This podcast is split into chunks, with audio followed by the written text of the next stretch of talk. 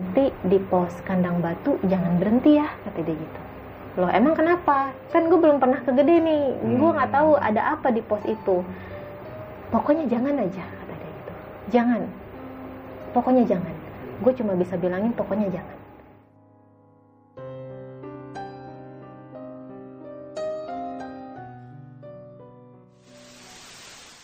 Assalamualaikum warahmatullahi wabarakatuh. Balik lagi bersama gue Indra di besok pagi. Pada kesempatan kali ini gue masih kedatangan narasumber yang pernah menceritakan pengalaman pendakiannya saat di Gunung Pulau Sari. Nanti bisa lu lukit-lukit pengalaman Kamilda saat di Gunung Pulau Sari. Dan pada momen kali ini Kamilda ingin membawakan cerita pengalaman pendakian mistisnya saat di Gunung mana nih kak? Gunung Gede. Gunung Gede. Kalau gue boleh tahu, boleh nggak sih lo menceritakan secara singkat aja nih sebelum masuk ke cerita? Lo mengalami kejadian apa aja di saat di Gunung Gede? Di Gunung Gede itu gue ada pendakian malam. Karena terdiri dari 13 orang jadi ada sempat kepisah-pisah. Banyak melihat sesuatu dan mengalami sesuatu dan plot twistnya adalah ketika temen gue melihat sosok gaib itu dibahas di channel YouTube orang lain juga. Itu berhubungan sama mitos. Epic banget pokoknya kali ini ya. Mm-mm. di skip dulu nih kak. Mm-mm. Kamilda juga mempunyai channel YouTube juga nih. Buat lo yang penasaran sama channel YouTube nya Kamilda channel YouTube apa kak?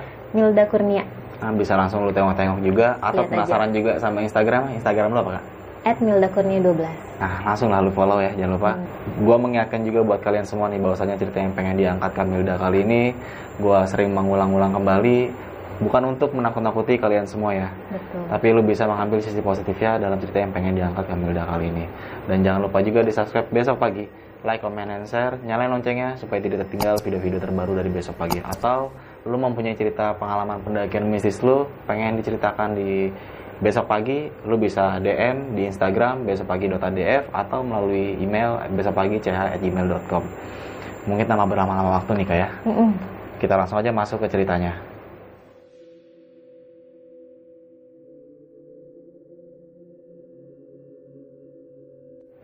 Gue tuh ke Gunung Gede di tahun 2019. Beranggotakan 13 orang. Nggak ada, awalnya sih nggak ada rencana yang gimana-gimana ya, emang karena kangen mendaki aja. Hmm. Dan dari kejadian Pulau Sari yang kemarin pun, ini nyambung ya. Hmm. Gue nggak ada merasakan kapok.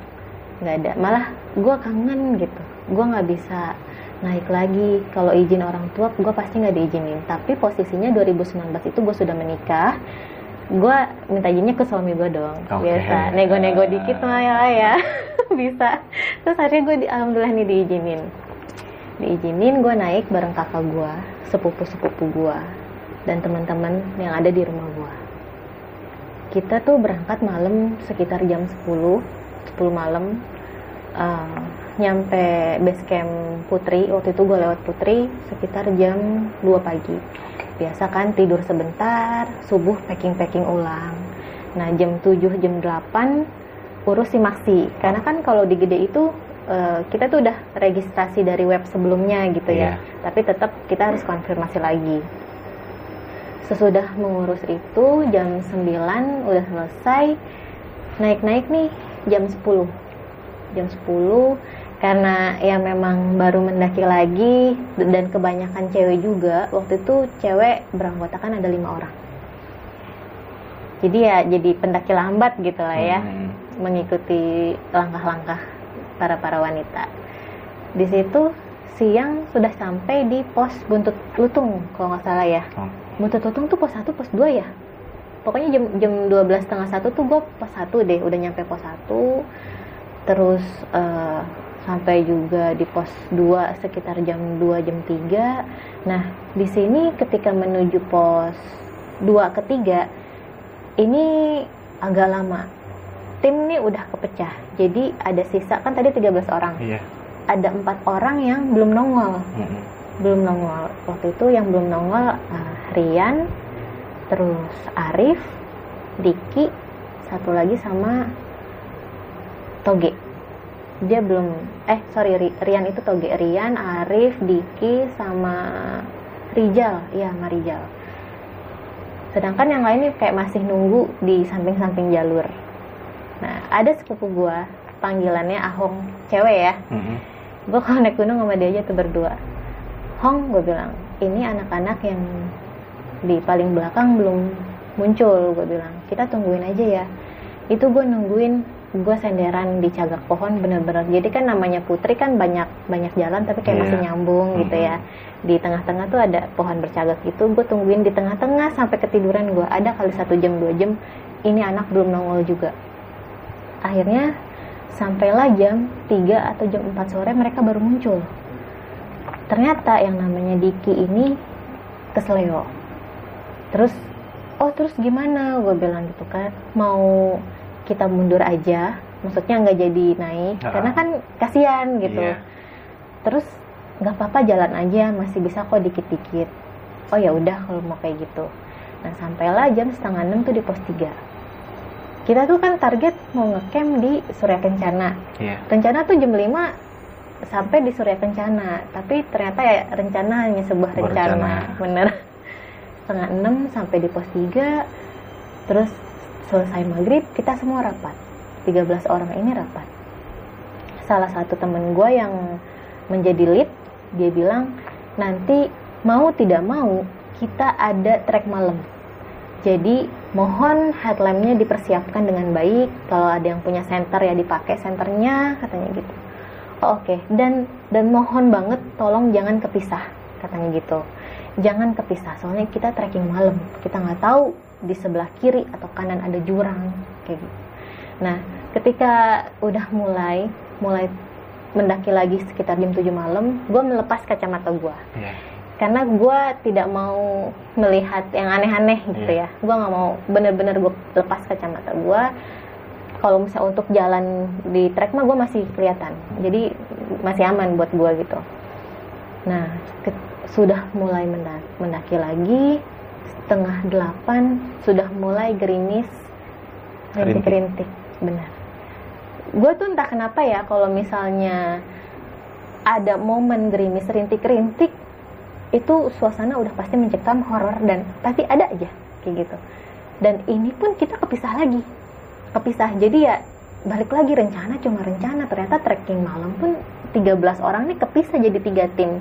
Kepisah di situ waktu itu gue lagi di tim yang bagian kedua yang di depan ada udah ada empat orang udah ke mana tahu. Di belakang juga masih belum nongol. Jadi ketika gerimis gue nih memutuskan berhenti. Di situ ada gue ada kakak gue terus dua orang lagi ada yang namanya Neng cewek juga. Satu lagi gue lupa. Uh, berhenti. Maksud gue tuh gue nih mau siap-siap ini hujan bakal deras nggak ya? Gue mau ganti jas hujan kayak gitu. Ternyata di momen-momen gerimis itu ada suara kuntilanak. Kayak gitu. Uh langsung gue sama kakak gue tatap-tatapan. Hmm. kata kakak gue gini denger nggak lu? Denger. Ya udah biarin aja oke gitu. Nggak lama yang belakang datang gue jalan lagi. Di sebelah kanan gue kan udah mulai pohon-pohon gitu ya. Itu ada sosok berdiri putih. Putih. Gue ngeliat pakai sudut sudut ekor mata gue tapi gue nggak berani nengok. Dalam hati gue bilang alhamdulillah kacamata gue lepas gue bilang kayak gitu. Jadi gue cuma ngeliat sosoknya aja tuh ndra putih. Hmm. wah kata gue gila. Eh, Gunung Putri benar-benar hutan yang lebat tapi ketika malam gue udah berasa kayak jurit malam lagi. Bukan mendaki gunung itu gue berasanya. Sampailah jam 8 kurang 15 di situ kan posisi masih kepisah ya. Iya. di posisi kepisah itu di depan sudah ada tiga orang. Di depan tuh yang Ahong tadi sepupu gua ada Rijal sama Aldi. Nah di tim yang kedua nih ada posisinya gua Neng terus Pebi nah pisah lagi baru yang belakang sisanya eh sorry enggak. Pebi masih ikut belakang. Jadi posisi yang bagian tim kedua ini cuma gua sama Neng doang berdua doang. Tiba-tiba ada suara dari sepupu gua si Ahong. Dia teriak Rijal! Katanya gitu. Gua ngeliat dari depan sorot center tuh udah ke mana-mana. Udah yang wah ke mana-mana. Gue diem dong di situ. Gue menghentikan langkah gue terus Neng bilang ke gue teh itu kenapa katanya gitu. Gue nggak tahu nih gue bilang. Yang jelas ini sesuatu yang eh, nggak beres gitu ya. Kita diem aja dulu di sini gue bilang. Gue ngamatin itu center udah ke mana-mana oh udah kedengeran suara teh jangan lari kata Rijal gitu. Ini suara Rijal ke si Ahong nih sepupu gue teh jangan lari katanya gitu. Allahu Akbar katanya gitu wah merinding kan gue di situ. Ternyata mereka nih mundur. Mundur nih mereka bertiga. Di situ si Ahong nih mukanya udah pucat dia tuh udah gini aja. Astagfirullahaladzim. Astagfirullahaladzim. Wah gue bilang wah ini mah udah pasti melihat sesuatu gue bilang Hmm. gitu ya. Gue bilang Hong tenang gue bilang. Istighfar. Aduh gue merinding berat bener. Nah, Hong istighfar. Tenang. Tarik napas gue bilang terus Rijal sama Aldi nih masih yang nyorot-nyorot tuh dia. Iya. masih nyorot-nyorot. Posisi waktu itu sebelah kiri jurang. Teh tadi ada ini. Shh, eh diam diam kata gue gitu. Iya gue paham. Tapi teh tadi iya iya gue paham kata gue gitu. Udah tenang tenang gue bilang. Masih aja gitu dia nyorot. Iya gue paham. Tenang ya gue bilang gitu. Terus di belakang nih udah mulai muncul nih yang sisanya tadi rombongan. Ada apa? Katanya gitu. Enggak ada sesuatu. Ya udah skip nanti aja Hong gimana? Udah bisa mulai jalan belum? Gue bilang gitu kan. Karena tuh dia masih yang, wah dengan muka pucatnya dia masih nunduk. Hayo Mil, tapi gue di samping lu ya, kata dia gitu. Ya udah lu jalan di samping gue, lu pegang aja tangan gue, gue bilang. Iya, kata dia gitu. Sudah, eh di situ juga gue jadinya kayak, ya gue sebenarnya di luar menguat-nguatkan diri, tapi Hmm. dalam hati gue juga takut gitu ya. Iya. Di situ gue nggak berani nengok kanan kiri, Ndra, bener gue cuma Hong lihat jalur aja gue bilang. Lihat jalur aja. Padahal itu gue yang begitu gitu. Gue yang cuma lihat jalur aja. Saking takutnya gue cuma Hong lihat jalur aja jangan lihat kanan kiri. Iya iya kata dia. Ya udah. Jam 8 eh, sorry eh, sebelum masih belum jam 8 banget deh. Di situ di kanan kiri sudah mulai ada tenda-tenda berjejer. Kata gua kok ini pendaki enggak ini ya enggak apa namanya? Eh, nggak mendirikan tenda di Surya Kencana malah di pinggir-pinggir. Ternyata tanya-tanya-tanya ada badai katanya gitu di Surya Kencana. tapi namanya waktu itu kebanyakan belum pernah mendaki juga dan dan nggak tahu badai gunung tuh seperti apa. Hmm. jadi kita lanjut aja gitu. Kirain tuh badainya masih yang bisa dikondisikan gitu ya. Dan ternyata bener dong jam 8 sampai di Surya Kencana. Kan kalau mau dari jalur Putri ke Surya Kencana dia tuh kayak ada lorong gitu ya. Iya. gue ngerasa kayak ada lorong ya. Hmm. kayak semak-semak tuh membentuk lorong gitu ketika melewati itu bus bus bus bus. Ya itu badai benar-benar isinya air kabut pasir terus dingin juga. Wah gimana nih? Gue bilang ke anak-anak. Akhirnya yang para laki-laki ini ya udah kita bikin tenda yang paling deket aja. Mereka juga bikin tenda sambil gemeteran gitu ya tapi ya mau nggak mau gitu. Terus yang cewek-cewek gimana? Cewek-cewek masak deh masak kopi mie. Gue masak nih cetek. Bur mati cetek lagi kompor bur mati lagi. Sampai kesel gue gue tinggal mie. Indomie tuh gue tinggal. Bener gue tinggal. Untungnya di Gunung Gede itu banyak warung kan. Iya, setiap iya. pos banyak warung. Beda jauh sama gue di Pulau Sari. Pulau Sari nggak ada warung sama sekali kagak ada. Makanya ketika gue ke Gunung Gede gue kaget. Wih ini mah bukan bertahan hidup di gunung gue bilang kayak gitu. Gue merasa benar-benar mendaki gunung bertahan hidup tuh di Pulau Sari. Di Gunung Gede gue nggak merasakan itu Ah. merasa difasilitasi gitu. Hmm. tapi ya ada untungnya juga gitu kan. Akhirnya eh, teman-teman gue nih ke warung beli gorengan terus beli indomie. Teh teh ini aja nih beli goreng ini makan gorengan nih gue beli. Ya udah gue makan itu gorengan rasa pasir tapi gimana ya namanya kondisi dingin mau nggak mau kita harus bertahan hidup. Gue makan aja itu gorengan biarpun ada pasirnya gitu ya. Wah gue peduli soket lah gitu Eh. istilahnya tetap aja gue makan. Tujuan gue bertahan hidup gitu. Hmm. lu ada badai sedingin dan sebesar itu anginnya lu mau gimana kalau nggak makan gitu kan? Harus makan. Nah dari situ jam 9 tenda udah diri gue sama cewek-cewek yang lain nyerah untuk masak mie ditinggal gitu aja. Nah cowok-cowok juga udah mulai bikin tenda. Waktu itu tenda ada tiga. Untuk satu tenda untuk lima cewek-cewek nih dua Hmm. tenda untuk sisanya lah para lelaki. Di tenda nih di tenda gue udah lihat sikon udah tenang. Gue merhatiin si Ahong kan gue kasihan. Terus gue nanya sebenarnya ke dia gimana Hong? Udah tenang udah emang sebenarnya lu kenapa gue gituin? Ya sebenarnya salah juga sih ngapain juga gue nanya. Di situ itu kan Iya. posisi masih di gunung gitu ya. Ah. tapi emang dasar gue penasaran banget lu kenapa tadi Mil kata dia gitu. Gua ya di depan sama si Rijal sama si Aldi. Kanan ada semak-semak kan. Itu semak-semak gue ya. Gue kira ada ular Mil kata dia.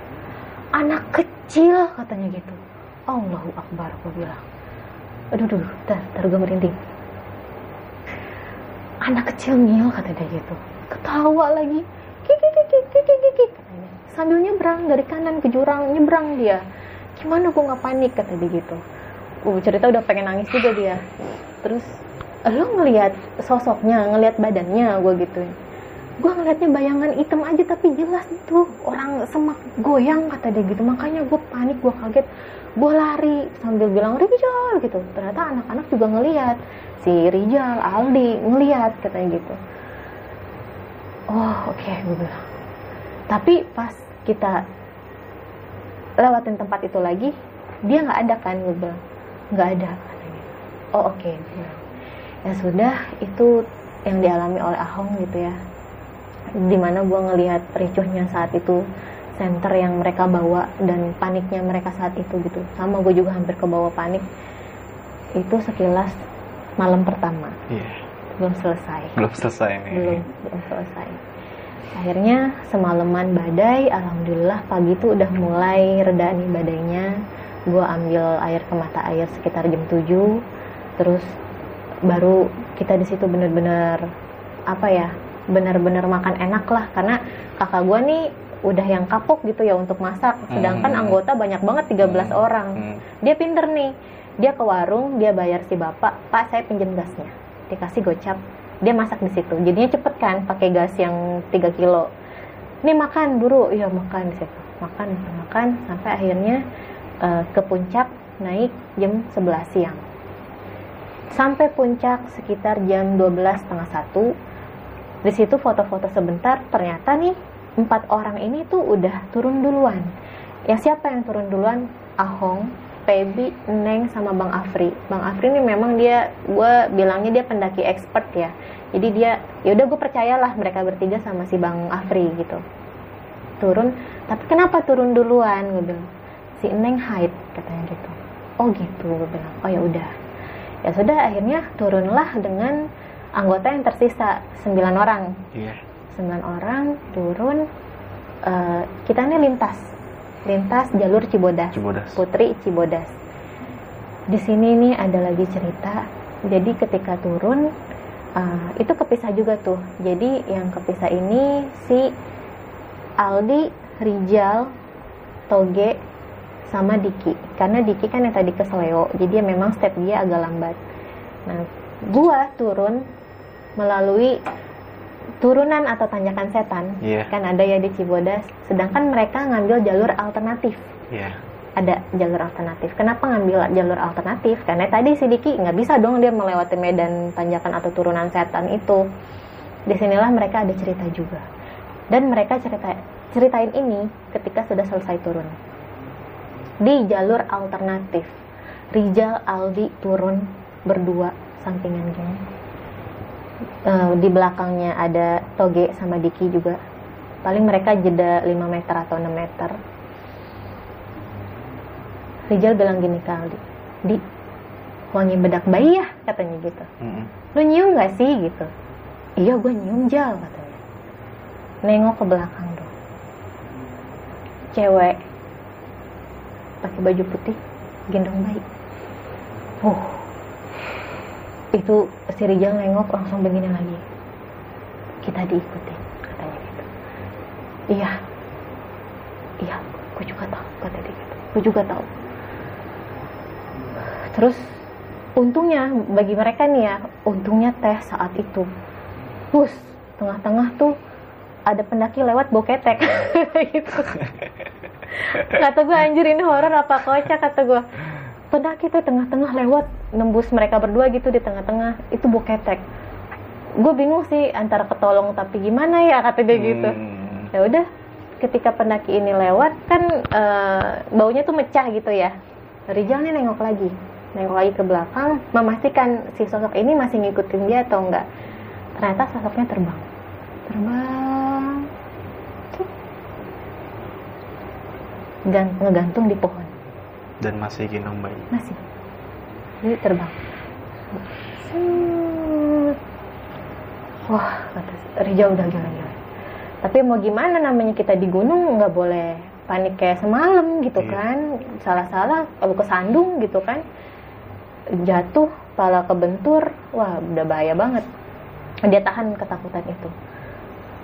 Wah parah sih teh. Itu sekilas cerita eh, yang dialami Rizal dan Aldi sampai akhirnya nih kita ketemu-ketemu di pos kandang badak. Iya. kandang badak sore sekitar jam gue sih sampainya jam 4 tapi eh, Rizal Aldi ini karena dia lewat jalur alternatif yang agak muter dia sampai jam 5 atau setengah 6 nah dari sini eh, istirahat. Kebetulan udah ada toilet musola juga di kandang Iya. badak. Alhamdulillah gitu ya. Ketika gue sedang mengisi air biasa sapa-sapan sama pendaki sebelah yang lagi ngisi air juga dia bilang gini teh eh, naik atau turun? Oh turun dong gua. Oh gitu. Lintas apa eh, satu jalur gitu? Oh gue lintas dari Putri Cibodas. Mikir nih si abang. Mikir nggak lama dia bilang gini nanti di pos kandang batu jangan berhenti ya kata dia gitu. Loh emang kenapa? Kan gue belum pernah ke gede nih. Gue nggak tahu ada apa di pos itu. Pokoknya jangan aja jangan. Pokoknya jangan. Gue cuma bisa bilangin pokoknya jangan. Tapi kan maksudnya orang kalau ngasih larangan gitu harus ada alasan sih Iya. menurut gue tapi ketika dia tidak mengasih atau memberikan alasan gue nih udah mulai berpikir pasti nih hubungannya sama gaib nih. Iya. pasti kayak gitu. Ya sudah gue wanti-wanti ke teman-teman yang lain. Tadi gue dapet ujangan dari abang-abang gondrong gue bilang kayak gitu. Ternyata kita jangan disuruh berhenti apa pun yang terjadi apa pun yang ada kita jangan berhenti di pos kandang batu. Jam 7 malam mulai lagi start turun. Wah itu gue sebenarnya agak lupa nih. Ini pos kandang batu dulu apa Cipanas dulu ya yang air Batu panas? dulu. kandang batu dulu ya? Nah di kandang batu nih ya turun gitulah. Gue sih nggak ngalamin apa-apa masih stay fokus. Tapi temen gue yang namanya Arif dia kan jadi sweeper. Dia merasa dari kandang batu sampai kita bener-bener udahan turun merasa diikuti sama sosok tinggi hitam besar ini dia cerita setelah selesai turun Hmm. ini cerita dari sudut pandangnya Arif ya Iya. Nah, kalau gue tidak mengalami apa-apa dari kandang badak ke kandang batu, tapi di kandang batu ini ternyata ada dua sejoli nih pasangan. Gue soalnya ngelihatnya dari jaketnya couple, Iya. ungu-ungu gitu. Heeh. Minta bareng, bang turun ya, bareng dong katanya gitu. Iya. Di situ kata gue gini, ini lahan landai nih luas, kok nggak ada yang ngecamp kata gue gitu. Ya udah tuh lagi nungguin si dua sejoli ini rapihin alat makannya, gue tengok-tengok ada pelang kan bacaan Iya. gitu, kandang batu, waduh gue bilang gitu. Wah kata gue, mana nih dua sejoli lama gitu kan packing-packingnya. Akhirnya gue bilang ke kakak gue, teh ini kandang batu, udah lu diem aja. Gitu, kakak gue sampai kayak gitu, udah lu diem aja, udah lu diem aja. Ya udah akhirnya gue nurut, diem. Oh oke gue bilang. Ya gue nggak tahu sih kenapa kakak gue ngomong kayak gitu ya. Mungkin entah dia melihat sesuatu atau apa, gue nggak paham. Ya udah gue diem, gue cuma ngebatin dalam hati, ayo dong, ayo dong, ayo dong gitu. Nah selesai dari situ, uh, baru dia melewati Cipanas. Ya, Cipanas, Cipanas ini kan ada jembatan gitu ya. iya. Ketika mau melewati Cipanas, posisi paling depan nih kakak gua sama Rijal. Kakak gua sama Rijal. Di sini mereka ada cerita juga. Yang mana lagi-lagi mereka nih cerita setelah turun. Jadi pas turun tuh anak-anak pada buka cerita deh ya. Ini gue jelasin dari sudut pandang kakak gua dan Rijal sebelum eh, sampai di jembatan Cipanas. Kakak gua nih melihat sosok tinggi besar bawa lentera jadi kayak bapak-bapak tinggi Iya. gitu terus bawa bawa lentera kayak lampu pijar gitu begini bawahnya dia di sebelum jembatan terus mastiin nih Jal ada bapak-bapak bawa lentera ya karena kan kalau udah malam gitu eh, apa ya kakak Samar-samar ya. Iya samar dan kakak gue tuh pengen memastikan ini gue doang yang lihat apa yang lain juga lihat. Kalau yang lain juga lihat berarti ya orang gitu. Pengennya tuh orang, pengennya. Tapi ternyata pas udah dideketin orang itu nggak ada, sama sekali nggak ada apa-apa. Nah di sini di Cipanas nih gue mengalami kejadian kedua kalinya. Di Pulau Sari kan sebelumnya kalau kalian yang menyaksikan atau eh, ingat cerita gue di Pulau Sari gue ada bilang wah gue kalau jatuh di, di sawah gimana ya? Gue beneran jatuh. Hmm. di Cipanas nih lagi-lagi gue gitu lagi kalau misalnya sepatu gue kebasahan air panas gini gimana ya? Gitu. Itu kejadian. Kebasahan terus kaki kanan gue yang apa nyelup gitu ya ke air panas itu dan gue di situ agak panik gue cabut kaki gue dari sepatu gue tendang sepatu gue gue udah nggak mikirin itu sepatu gue mau jatuh ke jurang sebelah kiri atau bagaimana. Gue udah nggak mikir ke situ karena saking panasnya. Di situ gue agak panik banyak yang bantuin gue juga. "Eh, tenang ya mbak tenang ya katanya. Iya panas banget kaki saya nyelup gue bilang kayak gitu. Untungnya tuh sepatu gue masih nyangkut di bebatuan nggak Hmm. yang ikut hanyut ke samping Jurang kiri. iya kiri. Wah kalau ikut hanyut gue sebelah sepatu doang gimana ya gitu alhamdulillahnya gitu gue pakai lagi gue pasang. Alhamdulillah pendaki lain tuh pengertian nungguin gue dan situ juga ribet banget. Eh, pegangannya kan dia kayak tali gitu ya dan talinya tuh bergoyang. Sedangkan di tangan gue nih udah penuh. Gue bawa handphone sebagai penerangan karena lampu headlamp gue habis baterainya. Dan gue juga bawa tracking pole. Sisi lain gue harus megang tali. Wah itu gue ribet banget. Ya balik lagi tadi banyak pendaki yang bantuin. Terima kasih juga selesai dari jembatan Cipanas eh, baru ke jembatan yang mau ke Telaga Biru ya Ya, ya kan dari penyancangan. Iya. Nah, di sini nih, di sini kita semua tuh rata mendengar su- suara kuntilanak.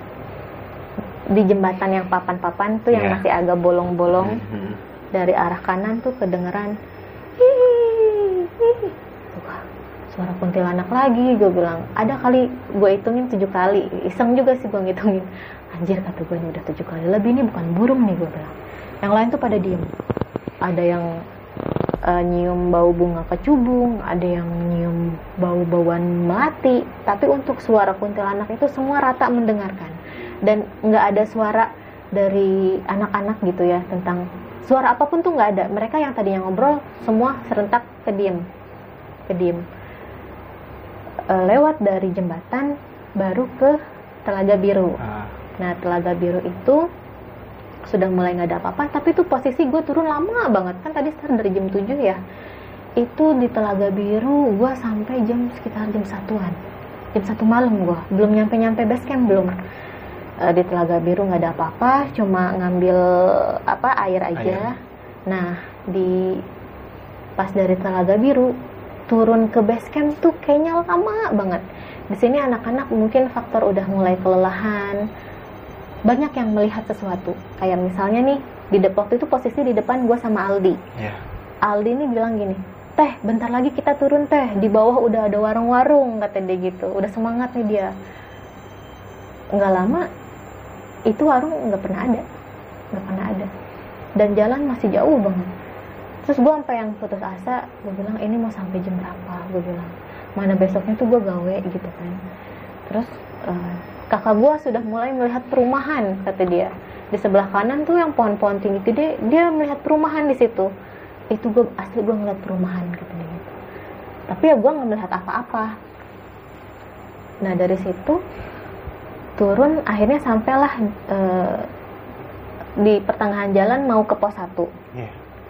Mereka minta break break ya katanya. Dua men eh, ya udah.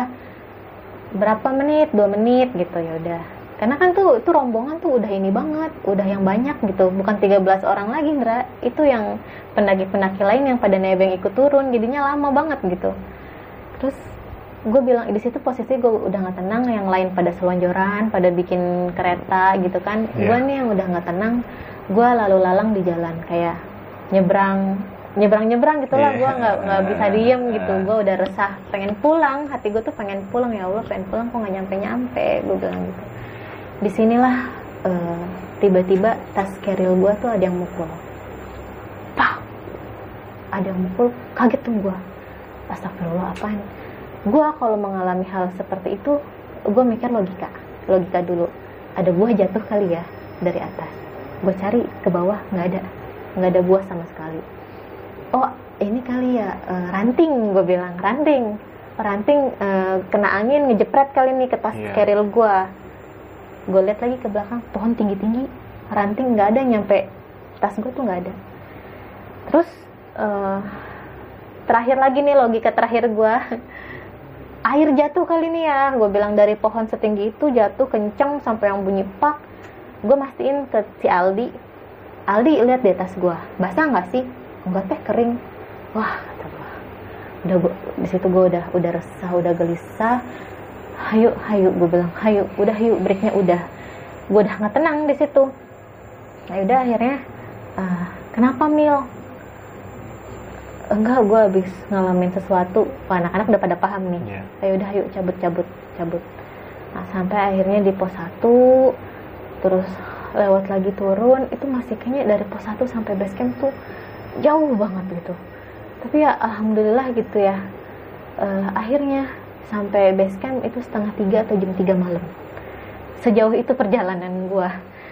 Di situ belum selesai ya namanya baru sampai base camp gue ketemu lagi nih sama Ahong gitu kan. Gue tanya gimana Hong? Wah dia udah enak tuh udah mandi apa segala macem.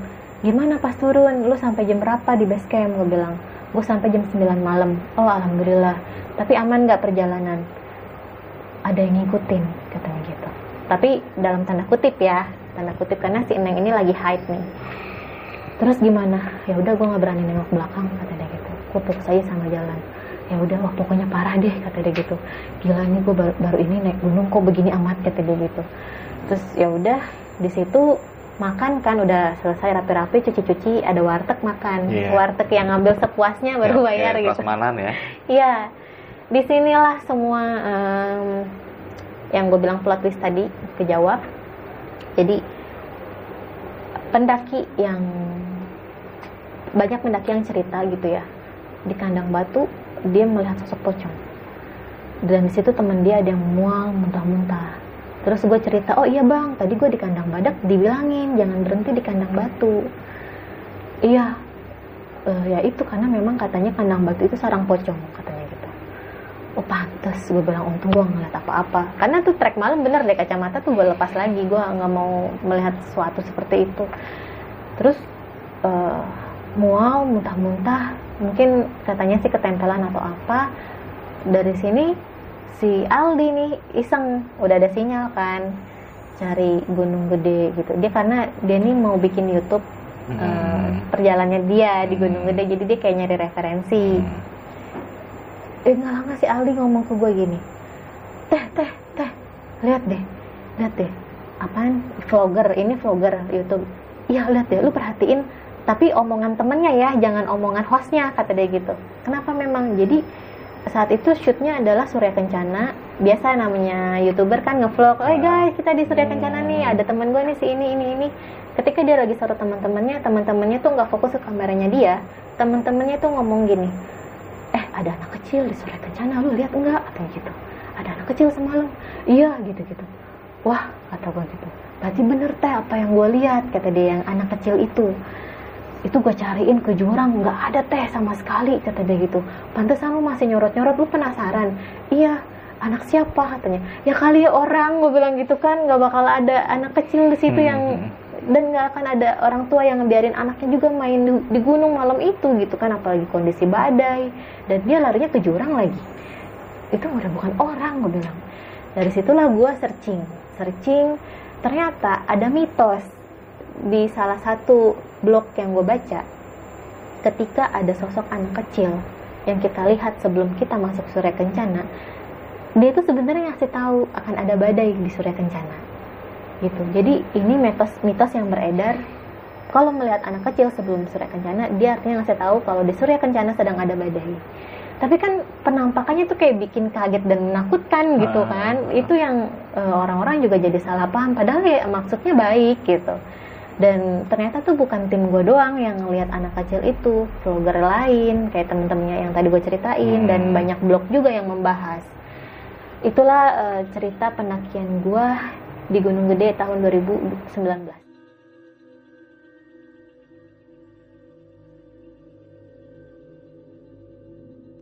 Oke, thank you banget nih Kamelda. Mm-mm. Sekali lagi lu udah mau menceritakan pengalaman pendakian lu saat di Gunung Gede nih kali ini ya. Mm-mm.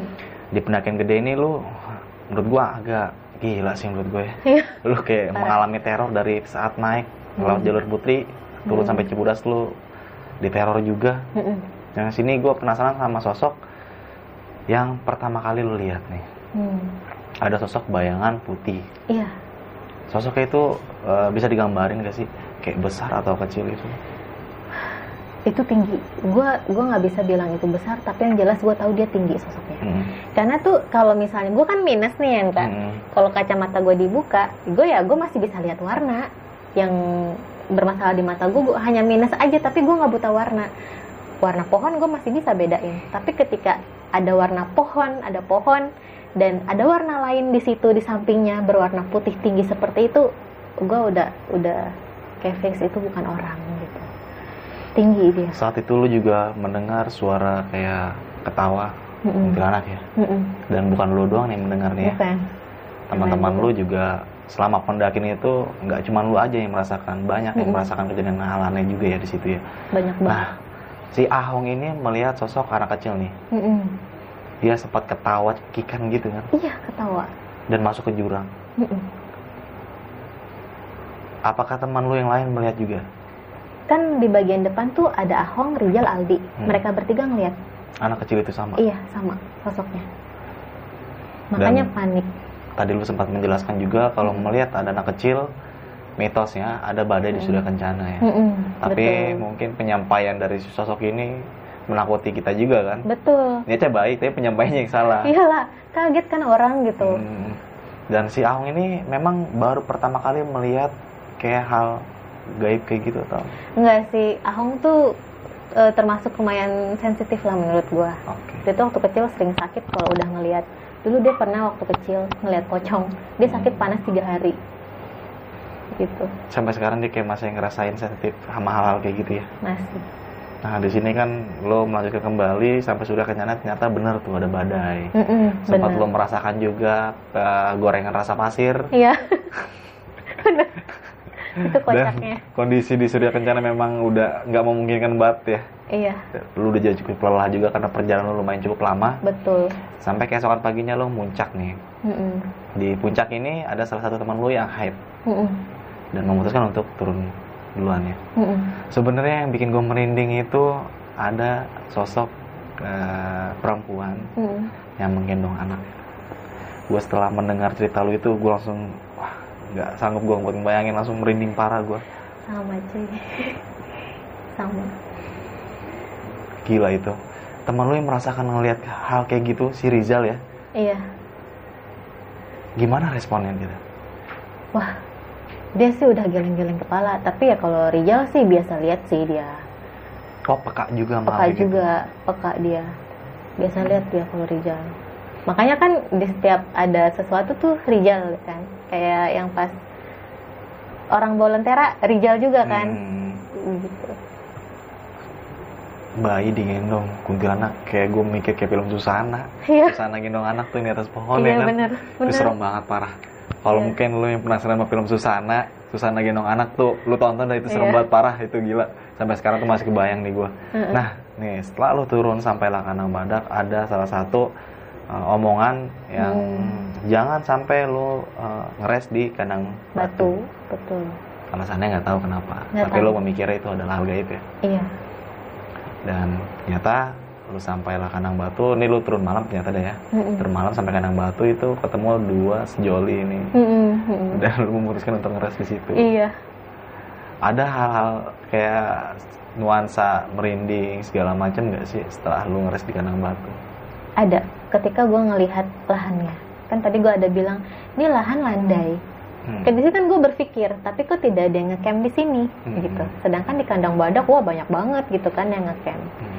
Ketika gue lagi mikir gitu, ser, eh, kok gue merinding ya gitu. Udah tuh dari situ udah gue nggak ini lagi, nggak nggak yang fokus lagi gitu. Sampai akhirnya nih di air panas nih ya. Mm-mm. Jembatan yang di mana kalau lu turun malam, siang aja kabutnya pekat banget Nah. jarak pandang berkurang apalagi malam. Betul. Nah, sempet lu merasakan apa yang lu eh, bilang dan menceritakan saat di Pulau Sala nih ketika lu Mm-mm. pengen jatuh ternyata lu jatuh Bener. dan akhirnya lu Bener. terjadi di air panas juga Iya, ya. terjadi lagi. Kaki lu eh, tercelup air panas dan lu Iya. merasakan panas juga Hmm. Dan di sini si Rijal mengalami atau melihat salah Hmm. satu sosok eh, yang membawa lentera itu. Iya. Apakah Rijal doang yang melihat itu atau siapa ada kakak gue juga kan lihat Kakak awalnya lu. yang lihat tuh kakak gue terus eh, dia konfirmasi ke si Rijal lu lihat nggak ada orang volontera di depan Hmm. iya ranger kali ya teh katanya Hmm. gitu ternyata pas disampein tuh orangnya hilang nggak hilang nggak ada ya nggak ada oke sampai lalu di jembatan penyancangan nih lu merasakan Mm-mm. dan itu semua tim lu ya semua tim mendengar itu. suara rintihan kuntilanak nih iya gila Iya. apa yang dirasain sama tim lu tuh semua tuh mendengar itu bareng-bareng wah kalau mungkin kalau yang biasa denger sih oh ya udah gitu ya. Kalau gue tuh jujur suara kuntilanak gue sering dengar. Sebelum gue ke Pulau Sari pun gue sempet dengar sering dengar di samping rumah. Makanya ketika di Pulau Sari ya gue udah gitu aja gitu. Tapi untuk temen gue nih yang sama sekali nggak peka gitu ya dia tuh yang bener-bener amazing. Wah gila. Ternyata begini ya suara kuntilanak. Begitu. Temen gue nih eh, teman kantor gue dia ikut. Dia nggak pernah mengalami hal mistis atau apa pun karena dia nggak pernah mengalami dia pengen banget ngalamin gitu. Karena dia termasuk yang nggak peka gitu dan Hmm. orangnya logika juga. Nah ketika naik gunung gede ini nih di situ tuh baru benar-benar pengalaman mistis dia yang pertama dan eh yang baru pertama kali ya gitu mendengar suara kuntilanak. Sampai dia amazing gitu. Wah gila katanya gitu. Lu merasakan saat turun itu emang cukup lama ya? Lama banget. Nggak tahu kenapa ya setiap turun dari gunung gede itu khususnya jalur Cibodas nih Mm-mm. karena dulu gue juga sempat ada kayak petua apa omongan lah Mm-mm. omongan kalau turun dari gede malam itu jangan sampai eh, turun malam Mm. karena lo bakal nyampe nya lama dan Hmm. itu gue sempat kayak mematahkan mitos itu nggak bisa sama aja emang gue turun malam terus bahkan gue sampai pernah eh, turun dari Pangrango punya Pangrango itu jam 7 malam Mm-mm. sampai base camp itu jam 6 pagi Mm-mm. Dan gue merasakan lama itu saat di jembatan penyancangan itu sampai ke base camp oh sama dong ya? Iya. wah gila. Dan gue juga sempat disesatin juga tuh dah. Hmm. nggak tersesat jadi gue cuma muter-muter di jembatan itu aja. Oh. Itu waktu pendakian gue sama anak-anak sekolah gue tuh. Hmm, hmm. nggak tahu sampai sekarang mitos itu masih kental banget. Hmm, hmm. dan menurut gue kalau naik gede kalau turun malam itu gue kayak yakin ah ini bakal turun lama nih. Iya. Dan itu gue pasti bakal turun lama. Nggak tahu sampai sekarang tuh. Iya ya gue kira tuh gue doang gitu. Gue baru denger dari lu nih. Banyak kok. Oh ternyata banyak. Banyak yang merasakan itu. Hmm, hmm. ya mungkin itu sekilas cerita pengalaman pendakian lu ya. Mm-mm. saat di Gunung Gede. Hmm. nah dan lu punya pesan-pesan gak nih buat teman-teman semua yang mendengar cerita lu khususnya saat pendakian di Gunung Gede? Apa ya? Wah kalau gue sih ya pesan dari gue kalau lu ngalamin mistis eh, sebisa mungkin deh sebisa mungkin ke logikain dulu deh ya. Logika dulu ya. Logika Penting dulu banget. deh. Iya penting banget gitu. Tapi kalau logika udah nggak nemu ya udahlah gitu. Nah, sama dengan itu hal gaib tetap eh, doa apa pun yang terjadi. Dan itu dia jangan panik. Maksudnya itu kan gue jadi ngambil pelajaran lagi tuh. Setiap Iya. gunung yang gue daki ada aja pelajaran. Nah, kalau misalnya lupa nih kayak sepupu gue tadi dia lari melihat sesuatu dia lari. Kalau kesandung aja dua amit-amit ya kesandung masuk jurang. Nggak kan tahu ya kita nggak tahu gitu jadi kalau udah kayak gitu udah lu diem aja dibanding lu panik lu lari lu jatuh dan ini juga gue kutip dari omongan Kang Arya juga Kang Arya Oke. Sena Hmm. gitu kan gue gue ngefans nih sama Kang Arya Kang nih. Arya kalau nonton nih fansnya nih. tenang gue gue nungguin novelnya dia nih kata dia di Ah. bulan Mei tapi belum keluar Hmm, ya ini gue kutip dari dia juga dan itu benar gitu benar eh, jangan sampai rasa takut tuh menguasai kalian sampai akhirnya kalian jadi yang bodoh sendiri Iya, kayak benar gitu banget. itu sih yang paling gue highlight banget Oke.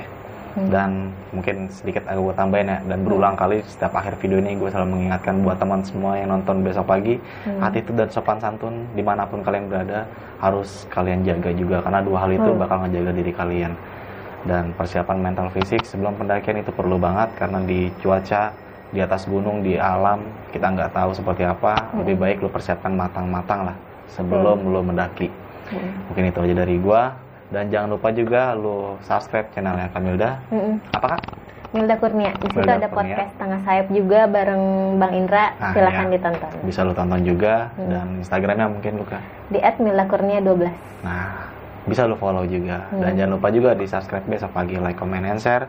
Nyalain loncengnya supaya tidak tertinggal video-video terbaru dari besok pagi. Tuh. kurang lebihnya mohon maaf. Semoga bermanfaat juga buat kalian. Bisa diambil sisi positifnya. Dari gua itu aja saksikan video-video berikutnya dari besok pagi. Wassalamualaikum warahmatullahi wabarakatuh